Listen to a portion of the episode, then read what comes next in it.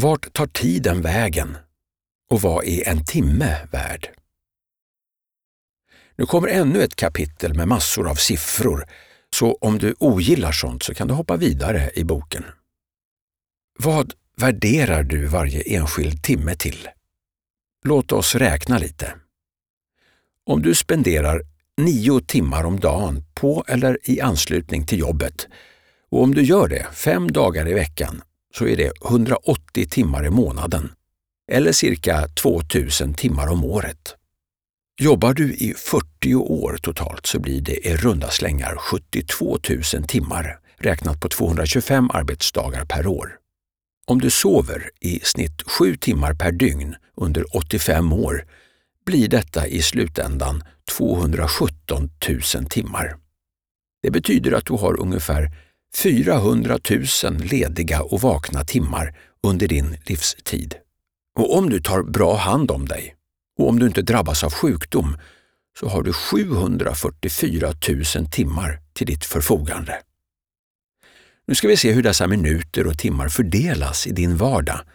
Detta är enbart ett mycket lågt räknat exempel som skulle kunna föreställa vissa människors vardag. Du kan enkelt göra din egen uppställning om du inte anser att det här stämmer för dig. Om du lydde rådet i början av boken så har du en anteckningsbok i närheten som du kan skriva i. Mat, frukost, lunch, middag. 60 minuter per dag. TV, internet. 60 minuter per dag. Transport. 30 minuter per dag. Toalett, duscha, sminka. 30 minuter per dag. Hushåll, städa, handla etc. 30 minuter per dag. Vänta på någon eller något. 15 minuter per dag. Valfri syssla. 15 minuter per dag. Interaktion. Telefon, mejl etc. 15 minuter per dag. Hobby, träning. 15 minuter per dag. Totalt 4,5 timmar per dag. Antal timmar på 85 år 139 612 timmar. Låt oss nu påminna dig om att du hade 400 000 lediga vakna timmar. Du som gör av med 139 612 timmar på ovanstående sysslor har nu totalt 260 288 timmar kvar. Observera att vi inte alls har räknat in några barn i vårt exempel. Har du barn? Är det något annat som saknas i exemplet? Lägger du mer tid på någon av de saker som vi nämnde? Troligen är det många som gör det. Kan du vrida upp antalet timmar på några av dessa måsten? Förmodligen ganska ordentligt. Under hur många av dessa 260 288 lediga vakna timmar är du irriterad på saker?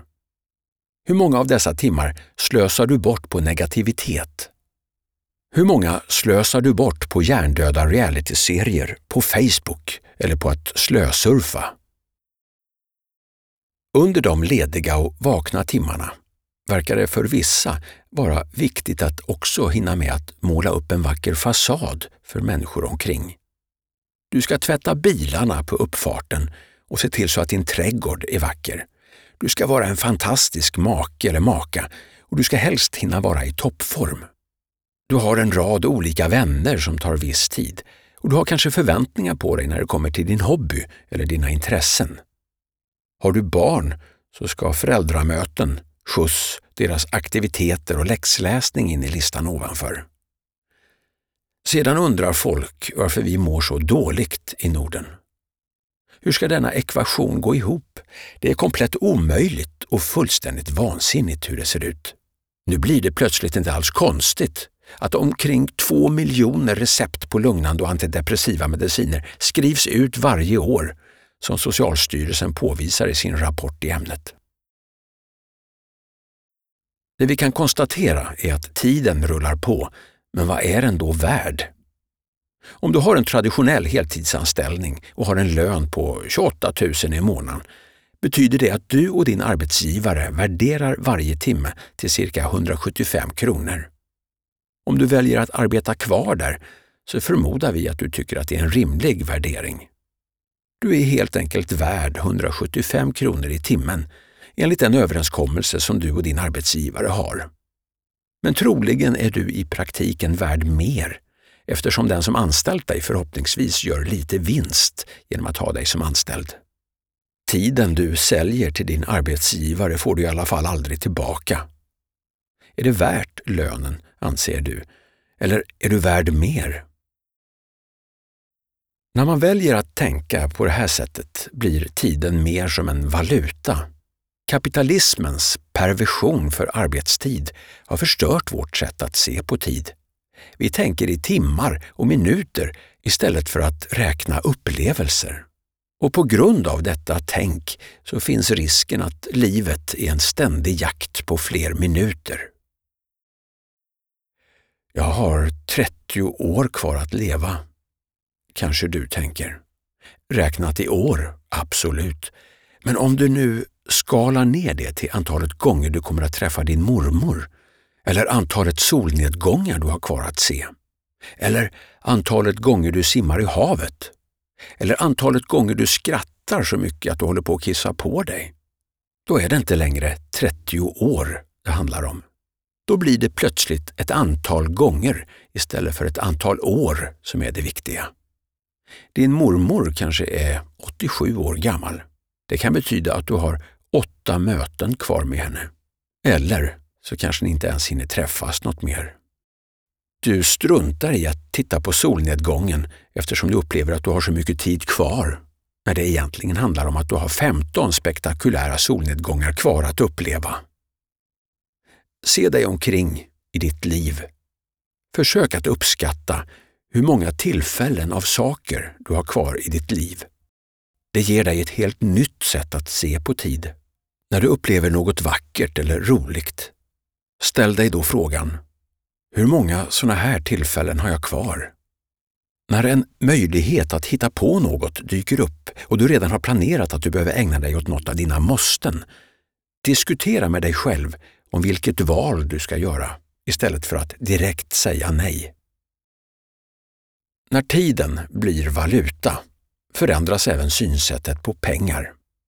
Låt oss ta ett lite extremt och småskumt men tänkvärt exempel. Låt säga att du ska köra din bil 10 mil och att denna resa tar en timme. Tar denna resa då verkligen en timme? Somliga skulle hävda att den inte gör det. Följande exempel är alltså inte helt förankrat i verkligheten, men vi vill bara påvisa en annan princip för hur det är möjligt att tänka. För att köra dessa 10 mil behöver du tanka din bil. Låt oss säga att det kostar 200 kronor att ta dig dessa 10 mil. Dessa 200 kronor har du förmodligen arbetat ihop på ditt arbete. Om då lönen efter skatt hamnar på 100 kronor i timmen tar inte denna resa en timme, den tar tre timmar. En timme för att transportera dig rent fysiskt och två timmar för att jobba ihop pengar till drivmedel för bilen. Ser man det på detta sätt så är det inget dåligt alternativ att ta cykeln. Cyklar du i 25 km i timmen betyder det att resan tar fyra timmar. Och troligen förlänger du ditt liv genom att cykla också. Och längs vägen är det mycket möjligt att du gör en hel del fina upplevelser. Du känner dofter från naturen omkring och du kan känna den ljumma sommarfläkten i håret. Nu säger vi inte att du ska cykla överallt, utan vi vill bara ge dig andra synsätt. Det här synsättet tar lite tid att applicera i livet och i vårt samhälle är det i stort sett omöjligt att lyckas helt. Men när du kommer en bit på vägen blir valutan inte längre pengar, den blir tid. Och denna valuta borde vara den mest värdefulla vi har. Men det är få som tänker på det sättet. Så vad är din tid värd? Är du nöjd med den värdering som du lever med för din tid? Om du inte är det, vad ska du då göra för att din tid ska värderas högre? Påbörja förändringen idag. Du har nämligen inte hur mycket tid som helst på dig.